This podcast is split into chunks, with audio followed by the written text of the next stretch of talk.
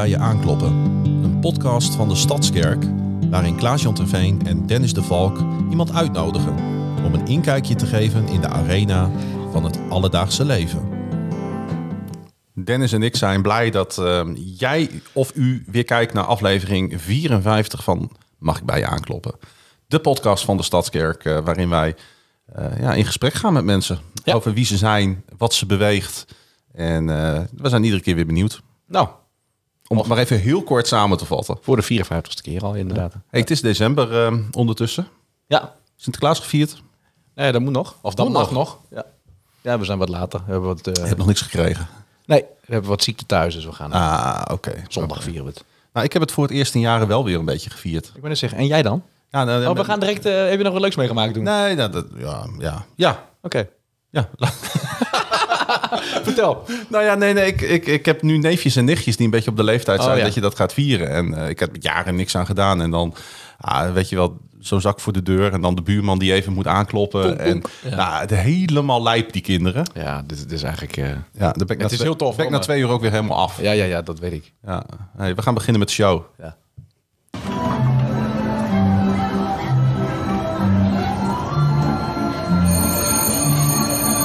Rondje rond de tafel.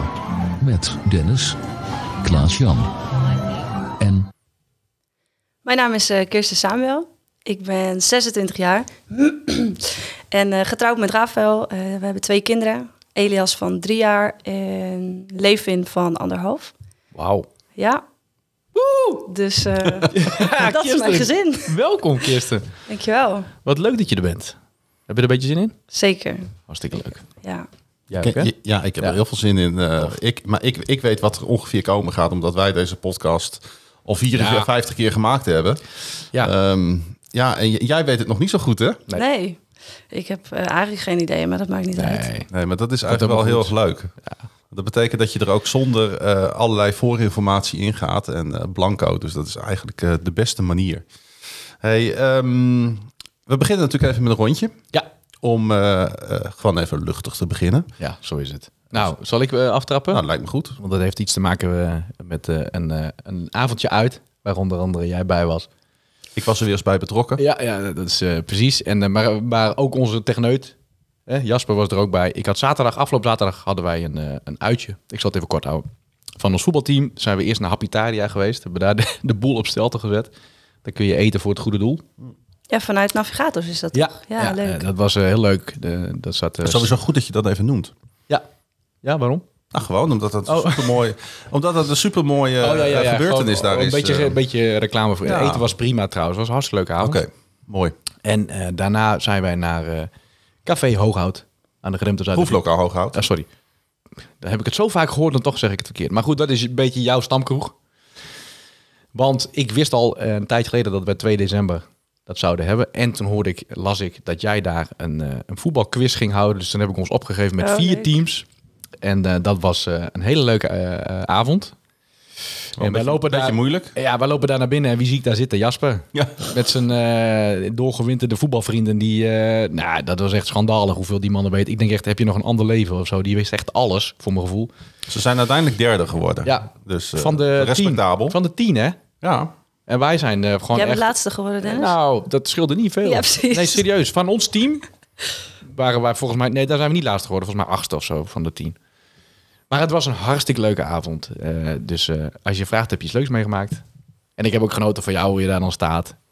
Vind ik gewoon mooi. Ah, Heb je eh, behoorlijk wat tijd aan eh, gespendeerd volgens mij om die vraag voor te bereiden. En wat al heel erg leuk was, ik had van tevoren al proberen te vissen van, hey, kun, je, kun je me niet een klein beetje Ja, ja, helpen? ja, Zegt hij tegen mij, nee dat kan ik niet doen, maar eh, verdiep je maar in de IJslandse voetbalcompetitie. Dus ik, ik zoeken, zoeken, zoeken, zoeken. Vikingoer Reykjavik, dat was de kampioen. Ik dacht, die krijg ik. Geen enkele Nee. vraag op. Nee. Natuurlijk niet. Maar goed, en jij? Nou, dat was wel een van de, van de leuke dingen van de afgelopen twee Ja. weken die ik heb gedaan. eh, absoluut. eh. Eh, nou ja, ik ben, ben weer naar Donar geweest. En nee, het, Het is altijd hetzelfde het met jou. is, ja, het is, Ja. zo- maar het maar is- zo leuk is het. Het blijft zo boeiend, zeg maar, om gewoon als sportjournalist zo'n team te volgen en die spelers te volgen en met ze in gesprek te gaan. Oh, jij bent En, eh, sportjournalist? ik ben sportjournalist, ja. Oh, wauw. Ja, ja, dus dat is wat ik doe in mijn dagelijks leven tegenwoordig. Ja, en ik geniet dan heel erg van dat soort momentjes. En eh, we zijn bezig met de planning voor volgend jaar. En eh, de Davis Cup komt naar Groningen. Tennis. Het tennis in Martini Plaza. Dus daar ga ik heen ook om eh, ook oer. verslag van te doen. Zo'n Heel oer- zo- ook zo'n oerzaaie sport. Vind Oh, ik, vind te- ik vind tennis echt fantastisch. Ik vind het echt een heerlijke sport. voetbal, Ja. maar... eh, Kijk. Ik vind eigenlijk alles wel leuk hoor. Wat leuk. Als, als, als, als het zeg maar live is en het beweegt en. en het, nee, ja, nou ja, en, en nee, nee, nee. En het beweegt mensen, zeg maar. Oh ja, Ja, ja, ja, precies. ja, precies. Dat sport is over het algemeen beweging. Gewoon, Ja. nee, maar er zijn mensen die hebben superveel over, zeg maar, voor wat ze doen. Hè? Ja, ja. Echt, echt bijna dag en nacht zijn die aan het trainen. En ja. Ja. dan kan ik al heel snel, zeg maar, van iets genieten, omdat ik gewoon de passie dan van zo iemand Nou, daarin zie. ja, Ja. Maar gewoon überhaupt het feit dat iemand ergens super goed in is, dat, dat vind ik altijd heel leuk om te zien. maar dat is die, die talenten die we allemaal hebben. Ja. Het is niet altijd gemakkelijk hoor, om, om, om het zo goed te kunnen. Maar Ja, nee, man. Nee, precies, Dennis. Zij pakt hem. Maar ik wil gewoon zeggen dat ik daar weer van genoten heb. Nou, dat is mooi, jongen. Dat- ik wil je ook niet... eh, ik bedoel, ik gun jou die eh, wekelijkse donau. Nee, maar het zijn, weet je, we krijgen zoveel cadeautjes in het leven. Ach, heerlijk. Alleen je moet ze af en toe wel uitpakken. Zo is het. Om maar even in de Sinterklaas-sfeer te blijven. En bedenk je, heeft Kirsten nog wat leuks meegemaakt? Nou, dat weet ik niet. Nou, dan pak ik het cadeautje uit. Wij hebben Ja. zondag eh, Sinterklaas gevierd. Kijk, Ja, dus dat was heel gezellig. Binnen anderhalf uur was alles op, want die kinderen die kunnen helemaal niet wachten. dus, heb je, heb je het met z'n viertjes gedaan? nee, nee, nee, ook met mijn ouders en Oh, mijn ja. zus. En die heeft eh, zes kinderen. Kijk. Eh, vier kinderen, sorry. ja, dus er waren ze. Ze waren met z'n zessen. Ja. Ja, dus eh, dat was heel leuk. En nou, toen dachten wij dinsdag, eh, Sinterklaas is voorbij. We gaan de kerstboom opzetten. Dus dat hebben we met z'n vieren gedaan. Dus dat was leuk. ook hartstikke leuk. Ja. Dus die staat ook lekker op. Alleen eh, de ballen waren opeens kwijt. Geen idee waar die beland zijn. Maar Nou, wat is nou een kerstboom? Ja. Zonder ballen. Dat is geen kerstboom, hè? Nee, dus je hebt nu alleen maar lichtjes en Nee, dingen. nee, Je hebt we een hebben spar in de- meteen je hebt een sparretje. gehaald. Oh ja, ja, ja. Ja, dat wel. En wat voor kleuren zijn, is het geworden? Ja, wat is het? Een beetje bruin met wit en glitter. Prachtig. Ja. Ik vind het verschrikkelijk. Ja, dat weet ik. Ja. Ja. Daar probeer ik ook De op. kerstboom überhaupt? Ja, of? komt er bij mij niet in. Kirsten, ik zal je alvast even voorbereiden. Alles wat, wat de goede gemeente leuk vindt, dat vindt Klaas-Jan niet leuk. Oh, dat is leuk. Dat is wel een Dat beetje waar. Ja, hij vindt, hij alleen, alleen het Songfestival vindt hij heel erg leuk. Niet. Of wel? Ja, ja, ja, ja, ja, ja dat vindt heel veel maar er zijn ook mensen... die bewegen. Ja, Ja. Er zijn Ja, ook mensen die heel erg hun best doen. Ja. Ja. Om het iets heel ledigs van te maken. Dat vooral. Hey, maar we gaan het niet over het Songfestival hebben. We gaan het eh, onder andere over jou hebben, Kirsten. En eh, wat jou beweegt. En eh, ja, wat, wat, hoe je een beetje in het leven staat. Want dat is uiteindelijk wel waar deze podcast over gaat. ja. Laten we beginnen bij het begin. Wie ben je? Waar kom je vandaan? Waar ben je geboren? Kun je wat vertellen over, ja, over de basis, Kirsten? Zeker, dat kan ik. Ehm, ik ben opgegroeid in Friesland, in Ureterp en Friespalen. Eh, ik kom uit een christelijk gezin, eigenlijk altijd eh, ja, christelijk opgevoed. Ehm, wel heel erg in de gereformeerde kerk. We gingen al twee keer naar de kerk. Ehm, nou, van dat soort tradities. Op een gegeven moment, denk ik, toen ik 12 was, toen ben ik uiteindelijk zelf een beetje gaan zoeken van, nou, wat wil ik? Waar wil ik? Waar, waar wil ik me in verdiepen überhaupt? Ehm, nou, toen merkte ik dat ik me een beetje losmaakte van mijn ouders en naar een andere gemeente ging met een vriendin. Ehm, dus uiteindelijk ben ik bij de Battle in Drachten terechtgekomen. Ehm, nou, uiteindelijk is het hele gezin daar terechtgekomen. Oh, jij was een beetje de, de aanstichter. nou ja, als je het zo zegt. Dat klinkt, wel- klinkt wel negatief, maar je, nee, ik snap wat je bedoelt. ja. Maar even hoor, 12 jaar. Ja, volgens mij Zeg, 12, dat ja. is best wel vroeg. Of niet? nou, 13 misschien. Maar Ja, in ieder geval eh, middelbare school. Ja, ja. dan ben je toch 12, 13? Ja, 12, zoiets? 13. Ja. Ja, ik... eh, Maar ik- niet iedereen is dan bezig met naar welke kerk ga ik. Nee, klopt. Nee, ja, ik, eh, ik ging mee met een ehm, organisatie van Compassion. Misschien was ik ook wel iets ouder, 14. En vanuit daar is dat eigenlijk steeds meer een beetje gegroeid. En ehm, Kun je daar wat meer over vertellen? Want als ik dat eh, gelijk even vast mag pakken, is dat wel belangrijk geweest dan op jonge leeftijd. Die, die compassion Ja. reis, is dat geweest? ja, we gingen naar Ghana toe. Mhm. En daar gingen we... Dan kon je kiezen tussen nou, dingen bouwen en kinderwerk. Nou, ik kan niet zo goed dingen bouwen, dus ik ging voor het kinderwerk. Ehm, dus dat heb ik gedaan. En ja, het voelt echt heel lang geleden als ik dit nu zeg... dat ik eigenlijk eh, sommige dingen eigenlijk niet meer zo goed eh, Nee. Is kan het, herinneren. is het ook wel natuurlijk. Ja, het is, ja, zeker tien jaar Daarom. geleden. Ja. Maar Eén ding kan ik me nog heel goed herinneren, dat vond ik heel mooi. Stond ik met een, ehm, een eh, vrouw te praten. En die vroeg aan mij, waarom zijn jullie hier eigenlijk? Dus ik zei, nou ja, we willen heel graag het, eh, ehm, het geloof met jullie delen. En ehm, laten zien wie God voor ons is. En toen keek ze hem aan, toen zei ze... ja, maar waarom komen jullie dan hier? Dan kun je toch beter teruggaan naar je eigen land. Ja. Nou, die kwam binnen, toen dacht ik zo. ja, je hebt gelijk. Ze zei, iedereen hier, die kent, die kent God eigenlijk al. Ja. Nou, dat vond ik zo'n... Nou, dat was echt een eye-opener voor Ja. mij. En ehm, dus ja, ik denk dat dat is wat ik heel erg heb meegenomen. Je hebt, je hebt er ook zelf heel veel aan gehad. Door Ja, daarheen te gaan, ja. door mensen te helpen, heb je ook Ja. alweer wat... eh, Ja, Ah, ik vind het echt super bijzonder dat je op jonge leeftijd al zo'n zo'n stap in geloof hebt gemaakt. Als ik even terugga naar mijn eigen 12, 13, 14, 15-jarige leeftijd, kan ik me niet herinneren dat ik met zoiets in aanraking ben geweest en, en daar al zo mee bezig was. maar ja misschien, ik, ik weet het leeftijd maar niet, misschien het- ook wel iets ouder. Ik, Eh geeft niet, Maar maar stel je voor dat je eh, 14, 15, 16 was. Ja. Dan nog. Maar was het, eh, was het vanuit geloofsovertuiging dat je die reis maakte? Of was het meer omdat je... ehm, nou ja, Mhm. en bedoel, je vriendin ging bewijzen van ook dat je dacht, oh, dat vind ik mooi. Nee, ik wilde dat altijd al heel graag een keer doen. Ik hou heel veel van kinderen. Ik vind het heel leuk. En vooral, ja, dat klinkt een beetje gek, maar buitenlandse kindjes, ik, dat Ja. vind ik altijd prachtig om te zien. En ehm, dus ik wilde het sowieso een keer doen. Ja. Dus ik wist van, nou, ik ga het, ga het een keer doen. En dit kwam op mijn pad. Dus niet per se heel bewust dat ik dacht, nou, eh, God spreekt tegen mij dat ik daarheen moet. Dat niet. Nee. Nee, dus dat, nou, op die manier was ik dat ook niet vanuit huis uit gewend. Om op die manier met Jezus te leven. Ehm, Maar je mocht, je mocht gewoon zo... ja, ik mocht wel. Ja, mijn ouders lieten me zeker ja. wel, wel vrij daarin. En als ik dat wilde doen, zo zijn ze eigenlijk altijd wel heel erg geweest. Als ik van ontdek het maar, ga maar en Ja. eh, kijk maar wat er op je pad komt. En je gaat met een organisatie mee, dus het is ook niet, ja, het is ook niet heel spannend, zeg Nou, maar. hey, Nee. wat vonden je ouders ervan dat jij eh, op een gegeven moment eh, ging, om het maar even in, met Mhm. een populair woord te noemen, ging shoppen in andere kerken?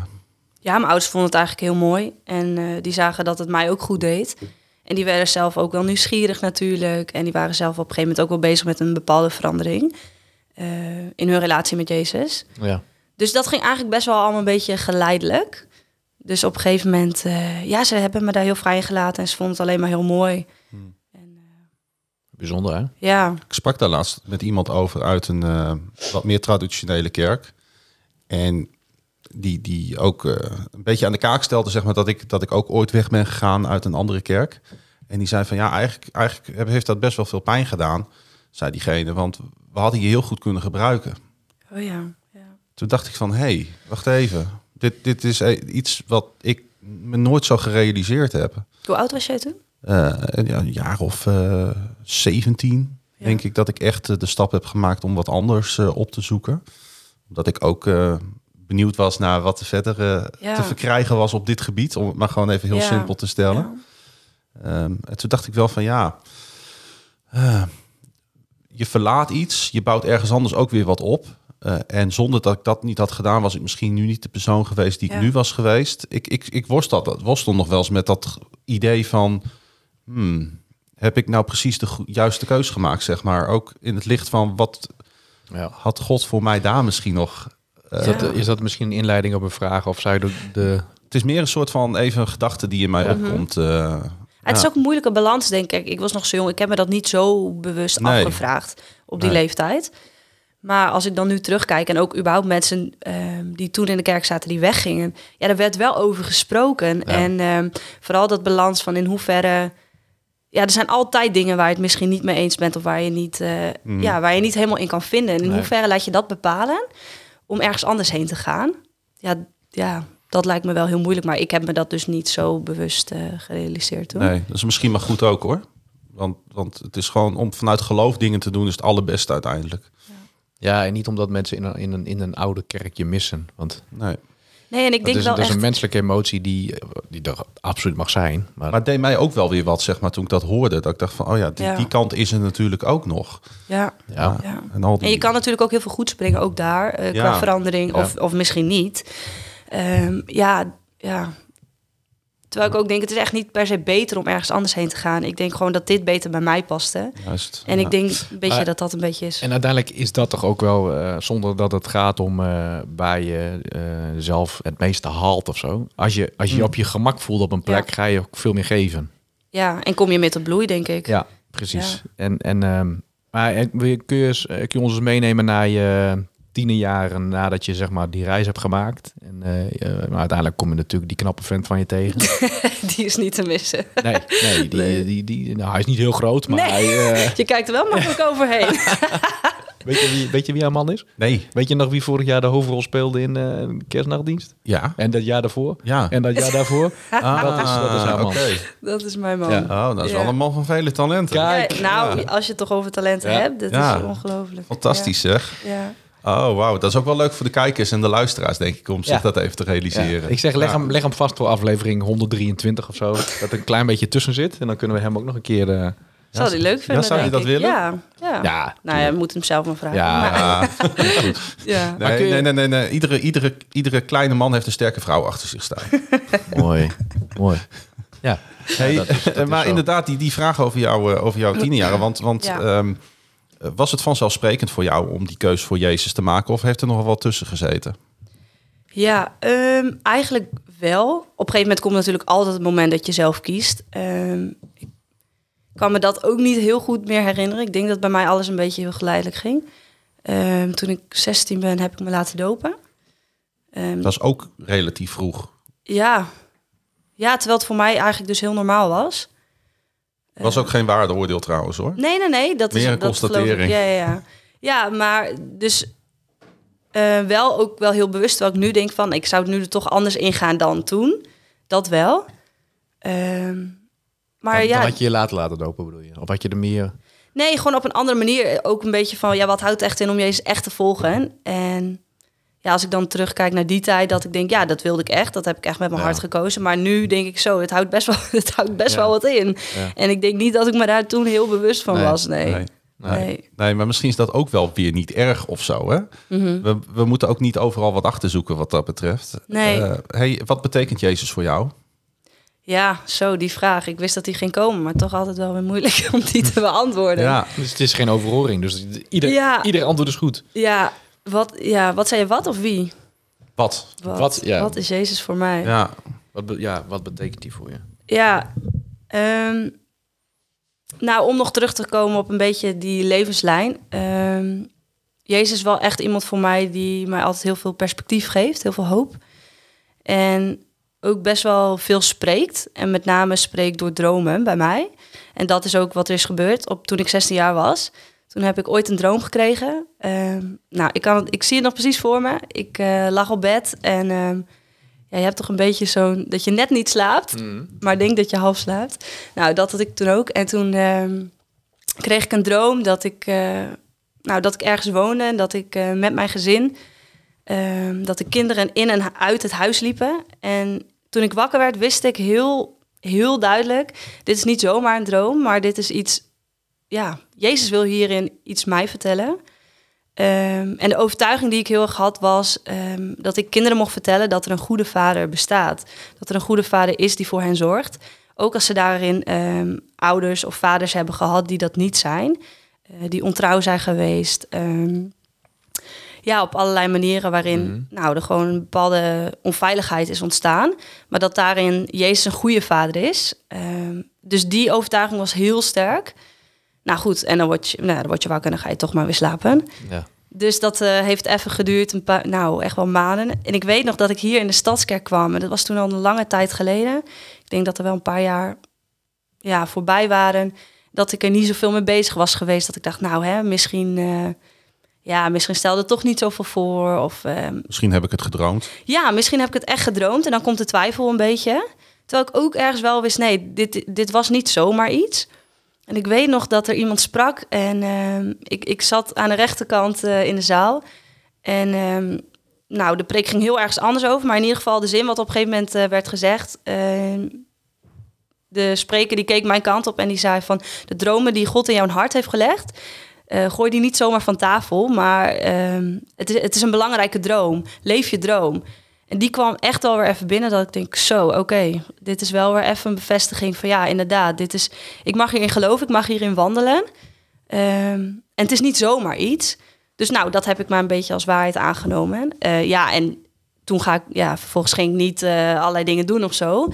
Maar wel een bepaalde wetenschap van, Ja, oké, oké. Ehm, er gaan dingen gebeuren. Hoe en wat, geen idee. Had, dus je, had je dat seintje, dat, dat steuntje in de rug, eh, die richting even nodig? ja, ja, ik denk dat ik het zicht een beetje kwijt was geraakt. En ook wel echt God had gebeden van... Ja, als ik daar echt nog iets... En ik denk dat ik dat wel drie keer eh, heb gevraagd of zo. En drie keer daarin wel bevestiging heb gehad. Dat je het dan gewoon op een gegeven moment even kwijt bent... als je er niet meer zoveel mee bezig bent. En ehm, dus nou, dat is meerdere keren teruggekomen. En ook door een bepaald beeld of ehm, ja, woorden die er gesproken zijn. En heb je dan nu ook iets dat je daar echt iets mee doet? Of is het gewoon... eh, ehm, maar weet je vertelt dat je toen niet direct in de, in de actie kwam. Ja.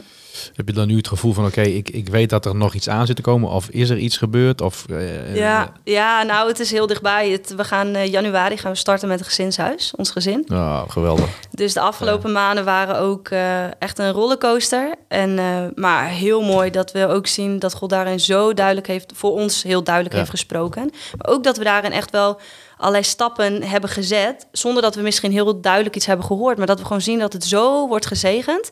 Eh, op financieel gebied, eh, we zijn nu bezig met een huis. Komende weken krijgen we daar een definitief uitslag.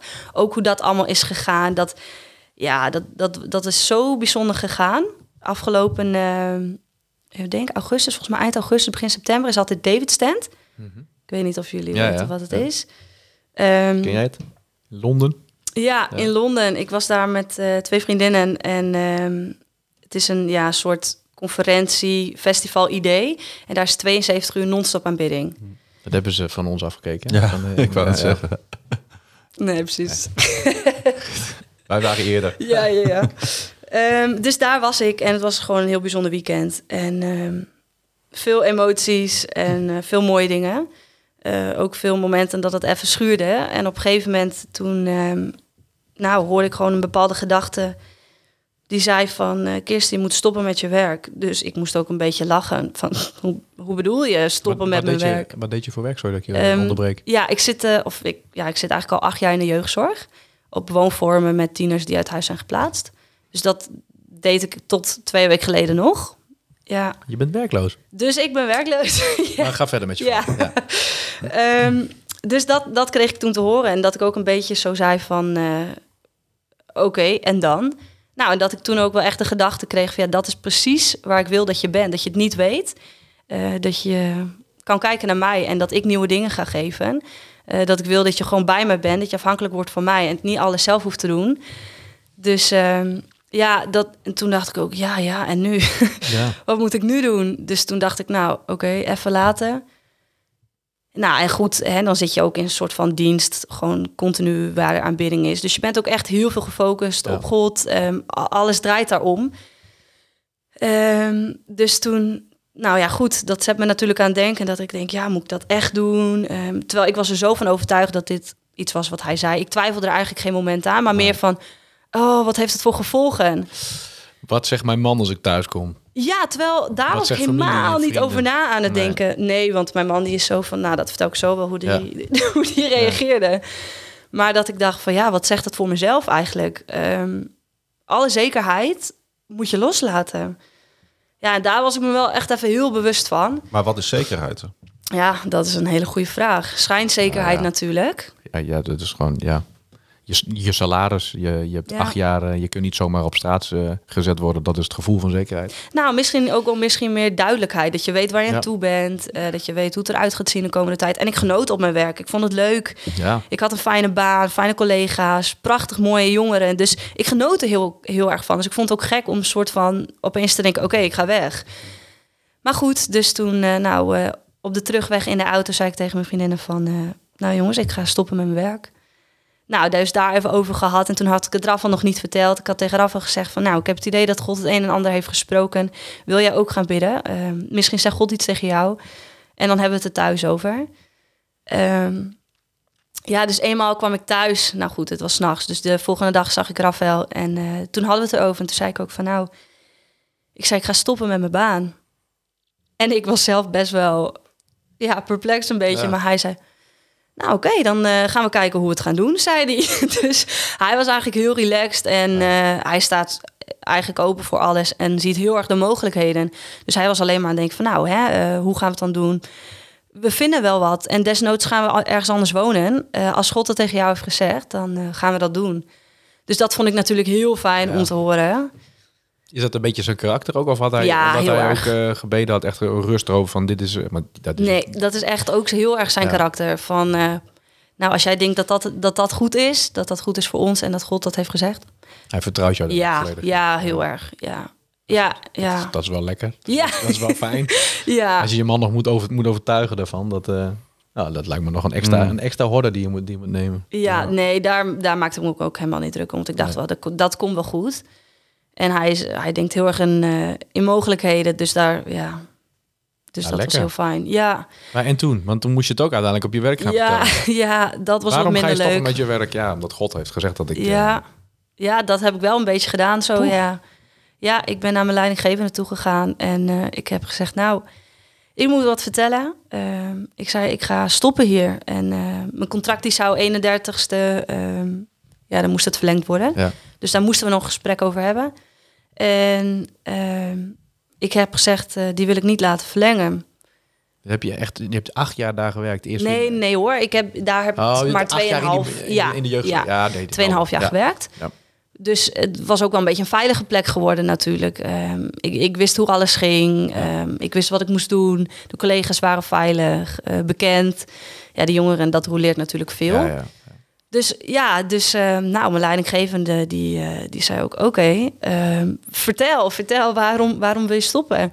Dus het hele verhaal uitgelegd. En ehm, die reageerde heel fijn. Tegelijk zei ze natuurlijk ook, ik vind het heel jammer... en ik zou willen dat ik je hier kon houden.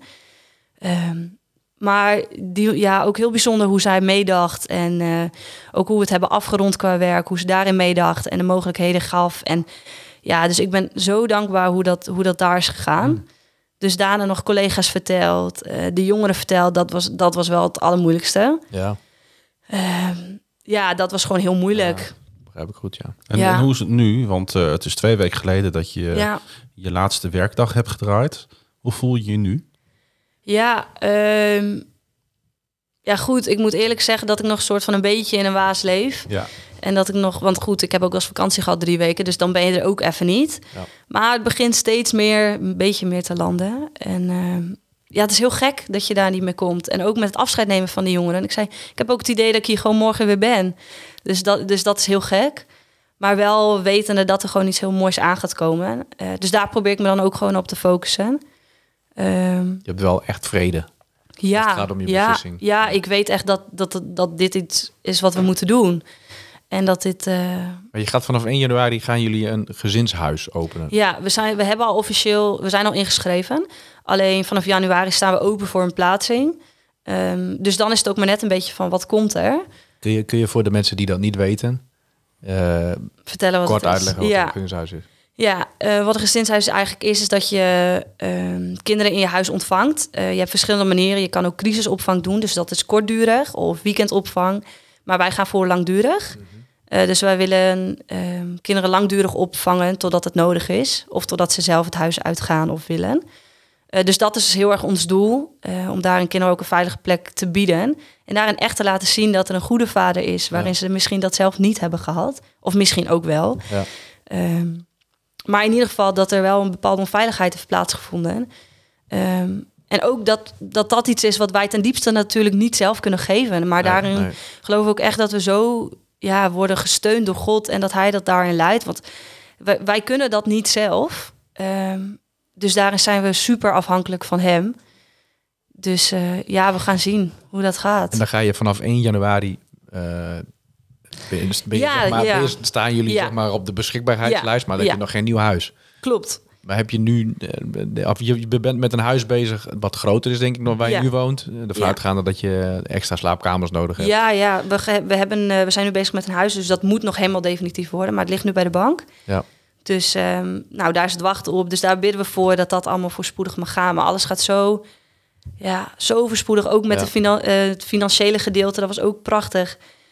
Hoe dat ging. We hadden een bod uitgebracht en eh, we hadden een bepaalde max. En ehm, die mensen zaten er eigenlijk boven. En, en Rafa zei ook tegen mij, ja, ik weet niet Kirsten, maar ik heb het gewoon het idee dat we, dat we het soort van open moeten gooien. Terwijl ik zei, nou ja, goed, hè, ehm, voor die paar duizend euro kunnen we heel veel doen. Ja. En, ehm, Maar hij bleef er toch een beetje bij. En toen zei ik, nou, laten we er gewoon voor bidden samen. En toen gingen we ervoor bidden. En toen merkte ik ook dat ik echt een bepaalde ja, rust ook kreeg. Dat ik dacht van, onze visie is heel erg dat we willen laten zien... dat God meer geeft dan genoeg. Niet maar net genoeg, of, maar dat hij geeft een overvloed. Dus waarom doen we dat eigenlijk niet nu ook al? Dus misschien geven we inderdaad meer dan dat we zouden willen. Maar ook hierin ehm, willen we ook aan hun laten zien dat ook daarin God meer geeft dan genoeg. En misschien niet eens door te zeggen, maar gewoon puur door te doen. Ja. Dus uiteindelijk hebben we het een beetje opengegooid en gezegd van nou, ehm, eh, wat hebben we nou gezegd? Even denken hoor.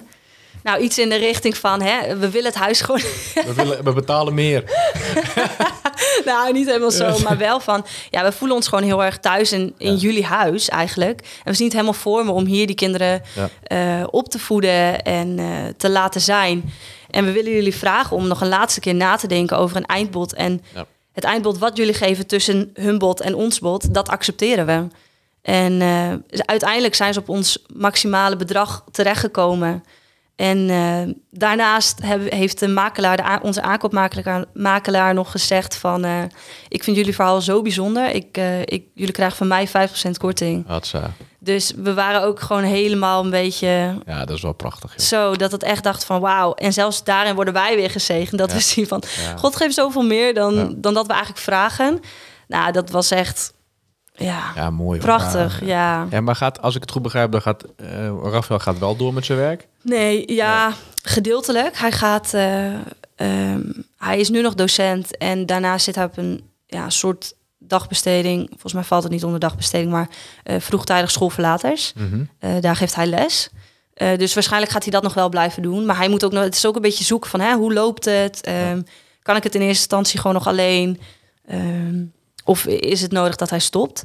Dus daar zitten we nu een beetje in van, eh, nou, hoe gaan we het doen? Dus dat, nou ja, dat moet ook een beetje blijken. En eh, eerst gaat hij gewoon nog zijn werk doen. En, en ehm, hoe, hoe, hoe kun je hier in vredesnaam voorbereiden? Is het gewoon... eh, is het wat je al in je pakketje hebt aan opvoedskills? Of, of moet je ook... eh, want ja, ik, ik, ik, ik ben wat minder oplossings... Of nee, eh, wat minder, wat minder eh, kijken naar Je ziet een mogelijkheden. Ik denk, poeh, jeetje, hoe, maar, en dan mijn eigen kinderen. Krijgen die Ja. dan nog wel genoeg aandacht? En Ja. hoe ga ik dat verdelen? En... eh, dat zijn wel de geëikte dingen die je... Die zijn ook wel mensen die hebben dat wel aan die vragen wel aan je gesteld. Ja, en dat is denk ik bij mezelf ook wel duizend keer langs geweest. Ja. En ja, wat ik zei, dit is iets wat op mijn zestiende is begonnen eigenlijk. Dus het is al een plan van tien jaar inmiddels. Ehm, zelf hadden wij het plan, we hebben het hier natuurlijk veel over gehad, Rafa en ik al in de afgelopen jaren. Eh, we hadden een beetje het plan om in 2030 daarmee te gaan starten, een beetje dingen te gaan ondernemen. Maar goed, het is nu Iets eerder. Ja. het is wat eerder geworden, ja. En daarin geloven we ook wel echt dat het zo had moeten zijn. Want wij hebben ook vaak gezegd, ja, wanneer is dan een goede tijd? Ja, nooit. Het is eigenlijk Nee. nooit een goede tijd. De kinderen zijn te jong, de kinderen zijn te oud. Ja. Eh, ja, de financiën, ehm wij zelf, ben je er klaar voor? Nou, ik vraag me soms nog steeds af, ben ik er klaar voor? Een Ja, mooi Ja. woord voor, hè? een mooi oud-christelijke term, dat is voorzienigheid. Woord wat echt, eh, echt even nu bij mij eh, opkwam. Ik, ik zat eraan te denken, ik heb het zelf eigenlijk ook ooit meegemaakt, namelijk met een huis. Dat, dat, ehm, dat, dat, wij, dat ik met mijn vrouw, mijn vrouw is overleden, eh, op Ja. zoek was naar een huis. En dat, dat het niet echt lukte en dat het eigenlijk financieel niet echt kon, want wij wouden dat niet op twee salarissen doen. Hè, want eh, Te groot risico. te groot risico. Toen hebben we op een gegeven moment ook een huis gekregen.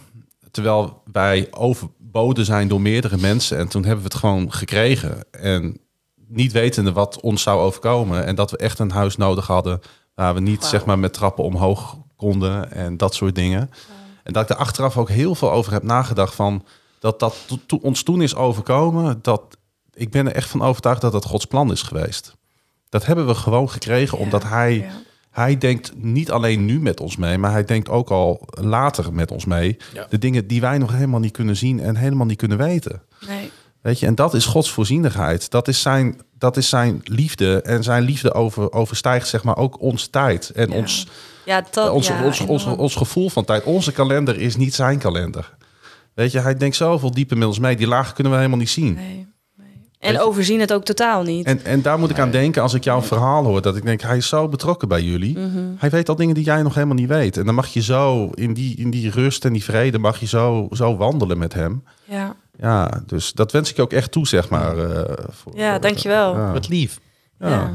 ja, zo ervaar ik dat ook wel echt. En Ja. ook als ik kijk hoe de afgelopen maanden zijn gegaan, dan denk ik, we hadden het zelf niet zo kunnen bedenken. En ja, er wordt gewoon een weg gebaand. En dat, dat zien we gewoon heel duidelijk. Ehm, tuurlijk heb ik momenten dat ik, eh, dat, dat ik het even niet zie. Een paar maanden geleden ook zat ik huilend bij een vriendin op de bank. Dat ik zei, ik, we, kunnen, we kunnen dit helemaal niet. En kunnen we dit wel? En hoe moet het met Elias zijn leven in? Eh, hoe gaat het met ons huwelijk zijn? Eh, hoe gaat het ook met mijn eigen leven zijn?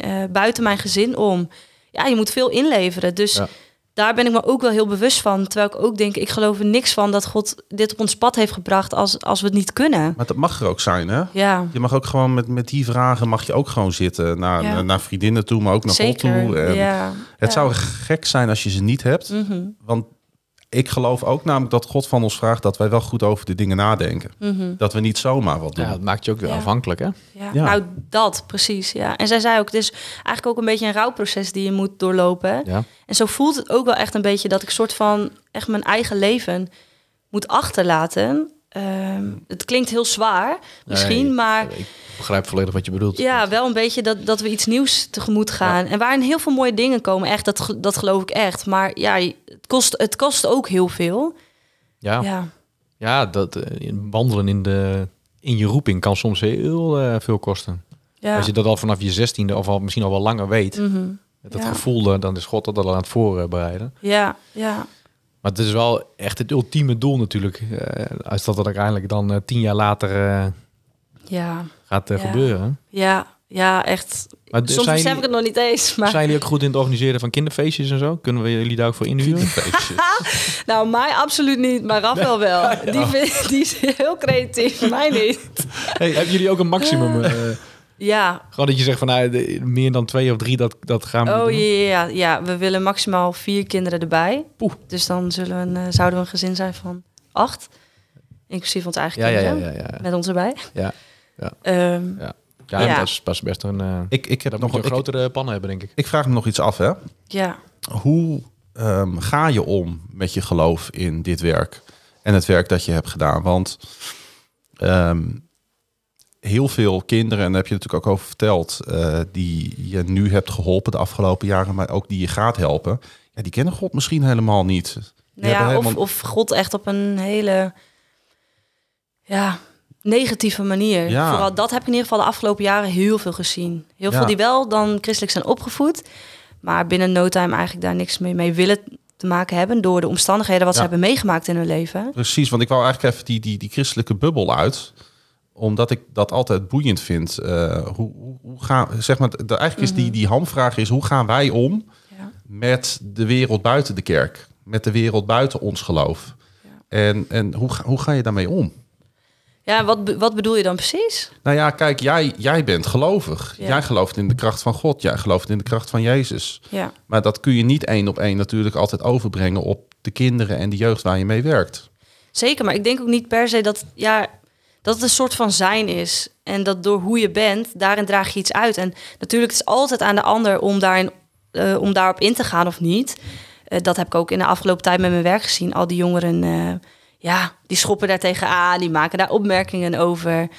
Ja, weet je, daardoor krijg je ook wel weer hele mooie gesprekken, vind ik. En ehm, leer ik ook heel veel van hun, door hoe zij kijken naar het leven. En hoe zij ook kijken naar God. Of niet naar God, dat er geen God bestaat.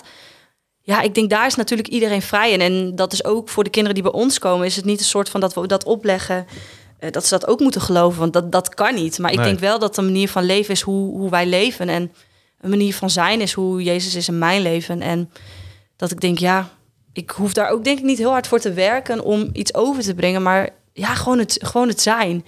En ook dus ehm, aan de mensen buiten de kerk, Ja. buiten de christelijke, christelijke bubbel. Ja, Ja, dus je- hoe ga ik daarmee om? Heb je ook over nagedacht dat je... eh, ehm, hebben jullie ook een leeftijdsgroep of een leeftijdsgrens, Ja. zeg maar? ja, voor nu eerst wel basisschoolkinderen. Oh ja. Want we zijn zelf natuurlijk ook nog best jong. Ja. Ehm, Ja, dat is ook wel, wel oké voor jullie eigen kinderen ja, natuurlijk. ja. Niet dat je een keer een jongen van 16, 17 hebt waar je direct je handen vol aan hebt. Ja, en ik, ik vind het ook wel, ik bedoel, ehm, als kinderen wel uit huis, uit, uit huis worden geplaatst en zijn, ze zijn tiener, ehm, hun ouders blijven natuurlijk altijd hun Ja. ouders. Ja. Alleen we nemen wel een bepaalde rol in. En ik denk dat door de leeftijd dat het gewoon, Ja. beetje scheef gaat lopen. Heb je, ook wel, heb je ook wel ervaring mee natuurlijk. In Ja, alleen van, is het dan eh, wel echt anders. Want ik ben daar niet per se Nee, dan ben je geen... eh, geen moeder Geen of pleegmoeder, eh, of nee. dat? En ik, dat, dat is wel echt een verschil. Je neemt natuurlijk wel bepaalde opvoeddingen over. Dat, dat natuurlijk wel. Hmm. Maar het is wel echt anders. Want ze, ik bedoel, ik ga op een gegeven moment gewoon weer naar huis. Ga je ze dan ook... eh, krijgen we dan ook vier eh, kinderen bij het kinderwerk erbij? heb, je, ga- heb je daarover nagedacht? Of je ze iedere zondag meeneemt? Eh, Ja, ik dat neem je, ze zeker mee. Ja, dat je Ja. ochtends en s avonds bij het eten ook bidt en zo. Dat soort dingen. Kan me Ja, dat dat ja. best... Ja, ik, ik zie het gewoon een beetje zo als ze gaan gewoon mee in onze gezinsstructuur. Ehm, en er zullen vast eh, zijwegen komen, want het zal allemaal niet zo gaan zoals het nu gaat. nee. Dus ja, dat gebeurt. Maar ja, ze draaien gewoon mee in ons gezin. En daar moeten wij een beetje in aanpassen. Dus eh, ja, ben, je, ben je niet bang dat je je veel te veel hecht aan de kinderen? dat gaat sowieso gebeuren. Ja, Ja. ja. Dat zou voor mij ook een... eh, dat je denkt op een gegeven moment... Ja, er komt dan hopelijk een moment dat het eh, kind... eh, klaar is om terug te gaan of naar een andere plek. Of eh, ja die geen kans is idee dus- eigenlijk op welke manier ze uitvloeien. Of weer ergens anders... eh, Nou ja, het idee was. Het is natuurlijk prachtig uiteindelijk. Hè? Ehm, rationeel gezien is het prach- prachtig als het uiteindelijk weer terug kan naar ouders. Maar 9 van de 10 keer is dat niet zo. niet, nee. En blijft het gewoon bij ons totdat ze op een gegeven moment oud genoeg zijn om op zichzelf te wonen. Ehm, dus ja, tuurlijk. Dat Ja. zou hartstikke moeilijk zijn. Ja. maar hoe, ga je daar überhaupt mee om dat er, eh, dat, dat leed er is in de wereld? Dat er zoveel ouders zijn die niet voor hun kinderen kunnen zorgen. Ja, ja Dat- dat... is heel triest. Ja, ja. Ja. Dat, kijk, dat raak je, dat beweeg je. Anders doe je dit, heb je dit werk niet gedaan, dan ga je dit niet doen. Mhm. Hoe, hoe rijm je dat zeg maar met, eh, ja, met de boodschap die, die, die wij eh, ouders ook meegeven in de kerk en, en vanuit de Bijbel en vanuit ons geloof? ja. Dat is best wel heftig. ja, dat is heel moeilijk. Ja. Ja. Ja, dat is, en dat vraag ik mezelf ook heel vaak nog af. Ik bedoel, ik heb natuurlijk daar geen invloed op. Ehm, Maar ja, waar, waar ga je heen, waar, waar ga je heen met, met die pijn, met, met dat verdriet? ja, ik weet niet. Ik, het is nooit dat ik daarin boos ben op God of zo. Dat ik denk van, eh, waarom is dit er in de wereld? Misschien neem ik het soort van aan van, het is er gewoon. Eh, net als alle pijn en, nou ja, leed in de wereld wat er is.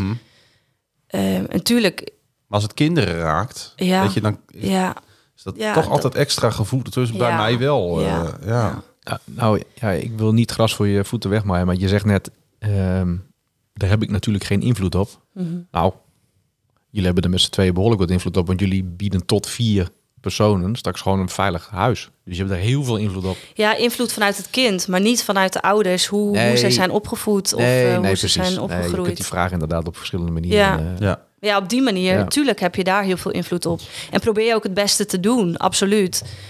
Ehm, en zelfs dan heb je ook op heel veel dingen weer geen invloed. Ehm, en dat is denk ik voor ons wel belangrijk om ons te realiseren. Dat je, ik bedoel, je levert niet eh, op een gegeven moment iets af van... nou, hier, eh, ze zijn eh, helemaal... Tot geloof gekomen. Nee, helemaal rustig, niet. Ze hebben geen driftbui Nee, meer. Nee. Iedere dag de afwas. Nee. De groeten. Nee, de afwas hoop ik misschien wel. nee, maar ja, d- dat ik, kan ik, niet. Ik bedoel meer dat je soms een beetje ook moet waken voor, voor depressiviteit of zo in het leven. Want ik, ik heb zelf eh, in, in, eh, in de wat mindere wijken, zoals we dat dan noemen, bijvoorbeeld hier in de stad Groningen voor de klas eh, gestaan. En dat ik op een gegeven moment extra brood mee moest nemen, omdat ik wist dat de kinderen bijvoorbeeld gewoon geen eten meekregen omdat het alleenstaande moeders zijn met drie banen. Of omdat er een, een alcoholprobleem is in het gezin. Waardoor er gewoon geen brood gesmeerd wordt 's ochtends. Ja. En eh, we weten allemaal dat het er is. En dat die problemen er zijn. En ik, ik heb wel geleerd, zeg maar. En ik denk dat jij dat ook wel hebt moeten leren om, om daarmee te dealen. Maar om het vervolgens ook om te zetten in een actie. ja. Ja, nou, ja, en soms ook wel, of in ieder geval als ik kijk naar mijn werk, soms het ook wel daar te laten. Want het kan, Ja. het kan me natuurlijk heel erg raken. Ehm, maar eerlijk gezegd, door de afgelopen jaren heen merk ik ook dat je daar soort van beter in wordt. Ja. De verhalen die je hoort. ehm, en echt, als ik daar goed over nadenk, tuurlijk raakt het me altijd. Alleen je wordt er wel iets harder in, in de zin van ja, dit gebeurt heel veel, echt heel veel.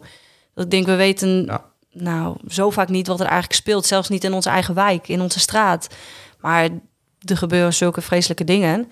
En ik denk wel, ja, door daar heel erg bij stil te staan, raak je denk ik inderdaad een beetje in een soort negatieve spiraal. Ja, dat, dat- is wel goed ja. om daar een bepaalde balans in te vinden. Ja. Dus hetzelfde als met eh, eh, ja, ik bedoel, de Muscatlon of welke goede doelenactie je dan doet. Dan, Mm. Als je daar bent, dan, dan word je er helemaal door opgeslokt. En dan, je moet het op een gegeven moment loslaten. Want Ja. je kunt niet de hele wereld redden. Nee, nee. Jullie hebben ook maar plek voor vier. ja. Maar wauw, wat is dat belangrijk en wat is dat waardevol. Ja, en ook toen ik in Ghana was, toen zei, eh, toen zei eh, een vrouw die ons training gaf, die zei ook van, ja, als je hier bent, wil je eigenlijk de hele wereld redden. Ja. Maar waar, waar je over na moet denken en wat je voor ogen moet houden, is dat je redt niet de hele wereld, maar je redt de wereld van één kind. En dat is me ook bijgebleven, dat ik dacht, wauw. Die kan zo op een eh, spiegeltje. Ja, Eh, Een eh, tegeltje bedoel ik. Een spiegeltje ook. ja, spiegeltje mag ook, kan je zelf nog zien, hè, Dennis? Weet je wat ook vaak op een tegeltje kan? De, de teksten van Roelof. Ja, nou, kom maar op Roelof dan. Ja, heb je nog een leuke? Oh. Deze.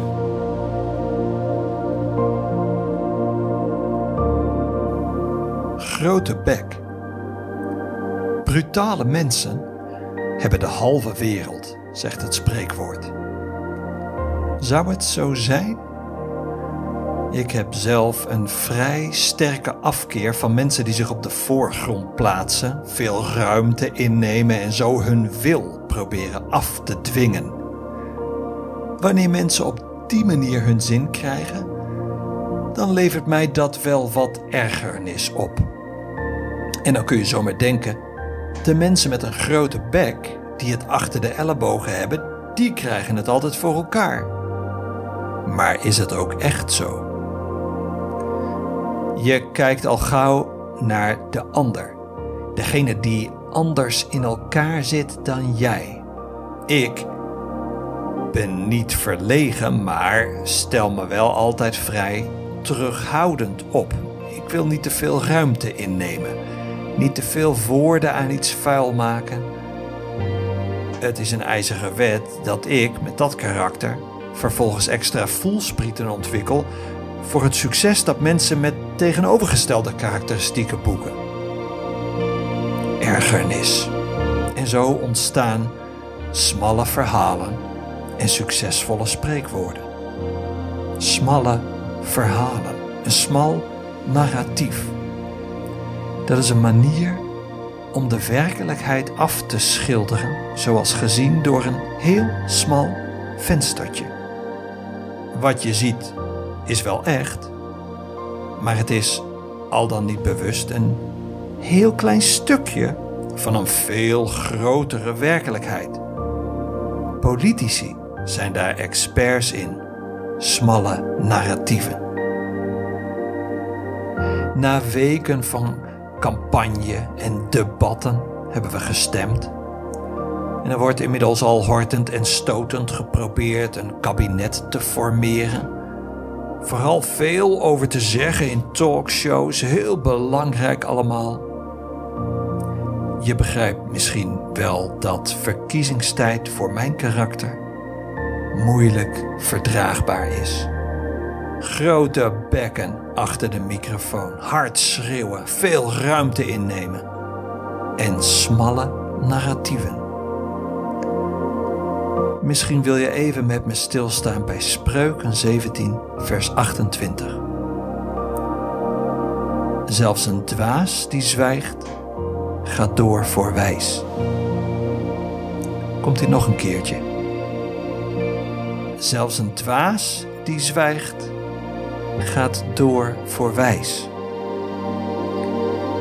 Zullen we samen wijs zijn over politiek en bidden voor de wereld? Sst.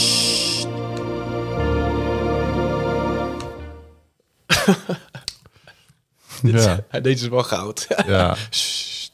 Vindt hij ons, denk, ik, denk je dat, eh, dat wij qua karakter ook een beetje haaks op hem staan? Ik, het, ik denk het wel, ja. Sorry, Nee, ik, ik, ik denk dat ik, ik hoop in ieder geval dat we in deze podcast eh, niet, niet eh, voldoen aan het smalle narratief. Eh, dat, ik denk dat uiteindelijk, eh, om, om dat even terug te brengen naar waarom we dit doen, eh, dat is waarom we dit doen. Dit is waarom we met mensen in gesprek gaan. En we iedere keer zijn die de verhalen die je hoort, dat durf ik gewoon hardop te zeggen, dat zijn geen smalle narratieven. Nee. Nee, dat is dit ook. Dat is het verhaal van Kirsten ook zeker niet. Nee. Nee, nou wil ik niet zeggen dat ik zeg maar ook bij de talkshows op televisie altijd eh, zeg maar dat het nooit eh, een keer raakt of dat er een goed verhaal tussen zit. Want het is vaak een overtuigende boodschap of zo. Maar er willen wordt wel veel geschreeuwd. Ja, Zo. een punt, een punt maken of zo. Ja. Daar, daar, daar gaat het hier totaal niet om. Nee. Nee, kijk, wij, wij schreeuwen ook veel tegen elkaar, maar dat doen we voor de aflevering. Ja, zeg dat wel. Ja, Kirsten, kan het weten. wacht, maar, wacht maar tot die afgelopen is. Ja. Nee, maar dat is lekker. Dan is even, zeg maar, dan, dan, dan, Ja. dan, dan is dat uit de lucht. En eh, ja, het is gewoon heel waardevol om dan vervolgens de diepte in te gaan met elkaar. Want, eh, ja, ik vind dit wel diepte. Ook, ook wat jij allemaal vertelt, wat je hebt meegemaakt. Ja, als je zo een beetje jouw reis zo een beetje hoort. En, en ik, vind het, ik, vind het, ja, ik vond het een mooi verhaal. ja, Ja, ik ook. maar we zijn nog niet helemaal klaar met deze aflevering. Want Nee. misschien het leukste onderdeel moet nog komen. En dat is de muziek.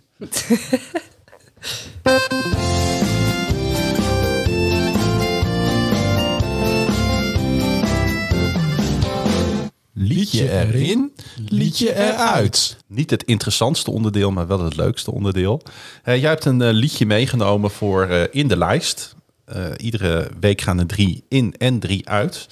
En eh, ja, waarvoor heb je gekozen? Ik heb het eh, nummer van Phil Wickham, Battle Belongs. Ja, het raakt mij gewoon. ehm, dit nummer, soms zet ik hem op als ik heel vrolijk ben, maar ook als het allemaal even niet lukt. Om daarin het soort van ook weer gewoon uit handen te geven. Dat ik denk, oh, ik probeer weer zo hard te rennen. Ik pro- probeer weer zo hard te vechten. Maar eigenlijk is het niet eens aan mij.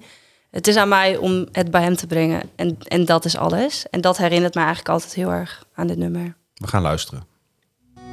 So when I fight, I'll fight on my knees with my hands lifted high.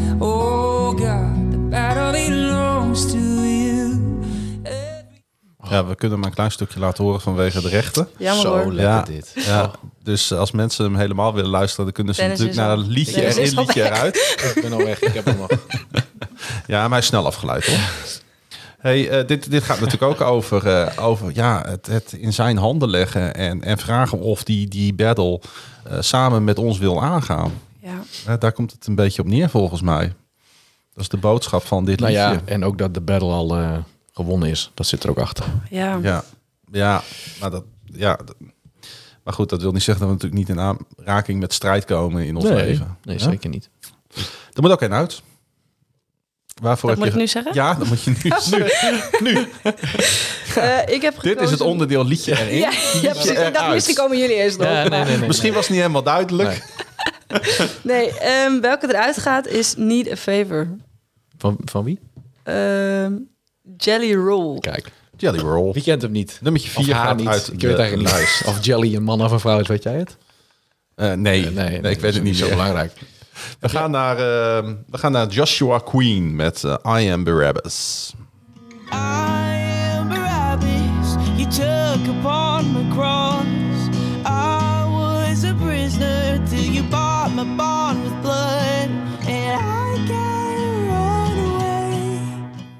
Ja, het nummer gaat natuurlijk over eh, Barabbas of Barabbas. Eh, het wordt door. eh, ik, het valt me altijd op dat in de kerk het altijd op verschillende manieren Ja. uitgesproken wordt. Ik weet niet precies wat de goede is. Die tweede vind ik mooi. Maar het is lekker te veel Barabbas in het, in het eh, Amerikaans Engels. Ja. Ja, ik voelde me wel aangetrokken tot, nu- tot dit nummer. Toen dacht ik, ja, we, we gaan naar kerst toe. Dus eh, dit, dit, dit, dit, dit gaat, het is natuurlijk meer Pasen dan kerst. Al heeft kerst ook weer alles met Pasen te maken en Ja. andersom. Ja. Eh, maar ik vond het wel mooi. Ik, ik, ik, ik, na van dit nummer ben ik gewoon eh, eh, een paar weken geleden, twee weken geleden of zo, ben ik ook dat hele verhaal, de hele kruisiging van Jezus gewoon weer even gaan lezen. Toen dacht ik van die, die hele Bar Barabbas, ja, wij zijn, wij zijn Barabbas. Ja. Wij zijn dat. Vind ik soms wel moeilijk hoor. Nou ja, ja, Ik heb niemand vermoord, dus wat dat betreft. Maar ik snap de, ik snap de context. Ik, juist. Ja. Ja, ja. Ik heb ook heel veel gevangen gezeten.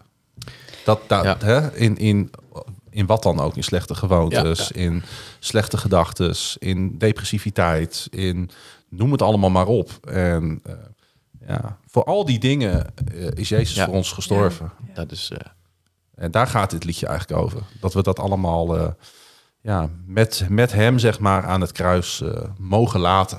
based on a true story, zou ik maar zo maar zeggen. Ja, en er stond een nummer van, eh, dat realiseerde ik mij helemaal niet, van Phil Wickham in de lijst. Eh, Messiah, You're Beautiful, schitterend nummer ook. Maar dan gaat die eruit. Jij dacht, Ja. er komt er niet Ja, nee, je kan niet twee keer Phil Wickham. Dat, denk- dat, dat, daar eh, steekt uh, Klaas-Jan een stokje voor.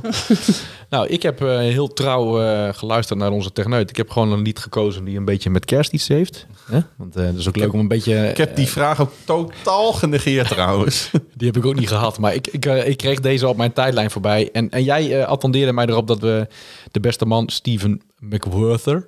McWhorter. Een jaar geleden. Echt weer een naam bij... eh, nou ja.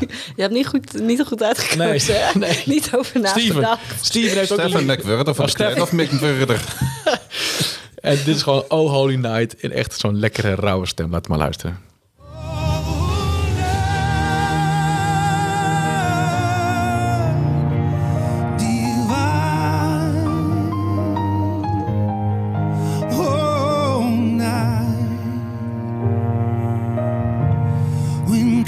Christ was born.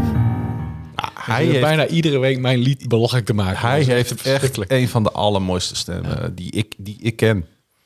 Ja. Ik ken hem helemaal niet, maar is echt... eh, Ja, ja, ja, echt zoek hem Wauw. op uh, op Steven Mc- Spotify Steven of. YouTube. hoe heet het? Wat is zijn achternaam? Steven Dennis? Mc- Mc- McWurder van de Clan of McWurder. Goed. Voordat we drie keer dezelfde grap gaan maken. Ja. Eh, nummer twee, Your Great Name, Natalie Grant. Die heb ik voor mijn gevoel al twee keer uitgehoord, maar eh, bij deze. Nou, je- daar zijn we er nou, weer. Heb je er spijt van, eh Kirsten, dat je hier bent gekomen? Nee, zeker niet. Nee, hè? Nee hoor, anders Nee. was ik niet gekomen. Dat, dat, ge- dat gevoel had ik al. eh, wij ook niet. Ja. Wij ehm, vonden het fijn dat jij te gast wilde zijn in aflevering 54 van Mag ik bij je aankloppen? Dankjewel dat ik hier mocht komen. Ja, jij ook bedankt en we bidden jou alle geluk, gezondheid en wijsheid toe eh, voor jou en natuurlijk je gezin. Ja, en, En, het gezinshuis en alles erop en eraan. Wauw. Wauw, gezinshuis. Ja. Eh, lieve luisteraars, en eh, ik moet me natuurlijk ook richten tot de mensen die via YouTube met ons meekijken. Je hebt geluisterd en misschien wel gekeken naar aflevering 54 van Mag ik bij je aankloppen? En bedankt dat jullie elke week weer in zulke grote getalen naar ons luisteren en kijken. En uiteraard eh, zijn cijfers niet belangrijk, maar het geeft wel een extra stimulans om elke twee weken weer een mooie aflevering online, online te knallen. Dank. En ik lees gewoon voor wat die staat. En het goede nieuws over twee weken. Eh, op tweede kerstdag is dat. Dan eh, hebben wij een nieuwe gast. En daar kijken wij naar uit. Ja. Tot dan. Wil je reageren? Doe dat dan via podcast.destadskerk.nl of als je kijkt via YouTube hieronder bij de comments. Like, deel en abonneer zodat je op de hoogte blijft van al onze nieuwe afleveringen. En vergeet niet even naar liedje in, liedje uit op Spotify te surfen. En zoals altijd sluiten wij af met de volgende woorden. Naast dit alles en boven alles danken wij onze Vader. Hij die was, hij die is, hij die komen zal. Lieve luisteraars, lieve kijkers en iedereen hier aanwezig in de podcaststudio in de Stadskerk. Hij komt spoedig. Amen. Amen.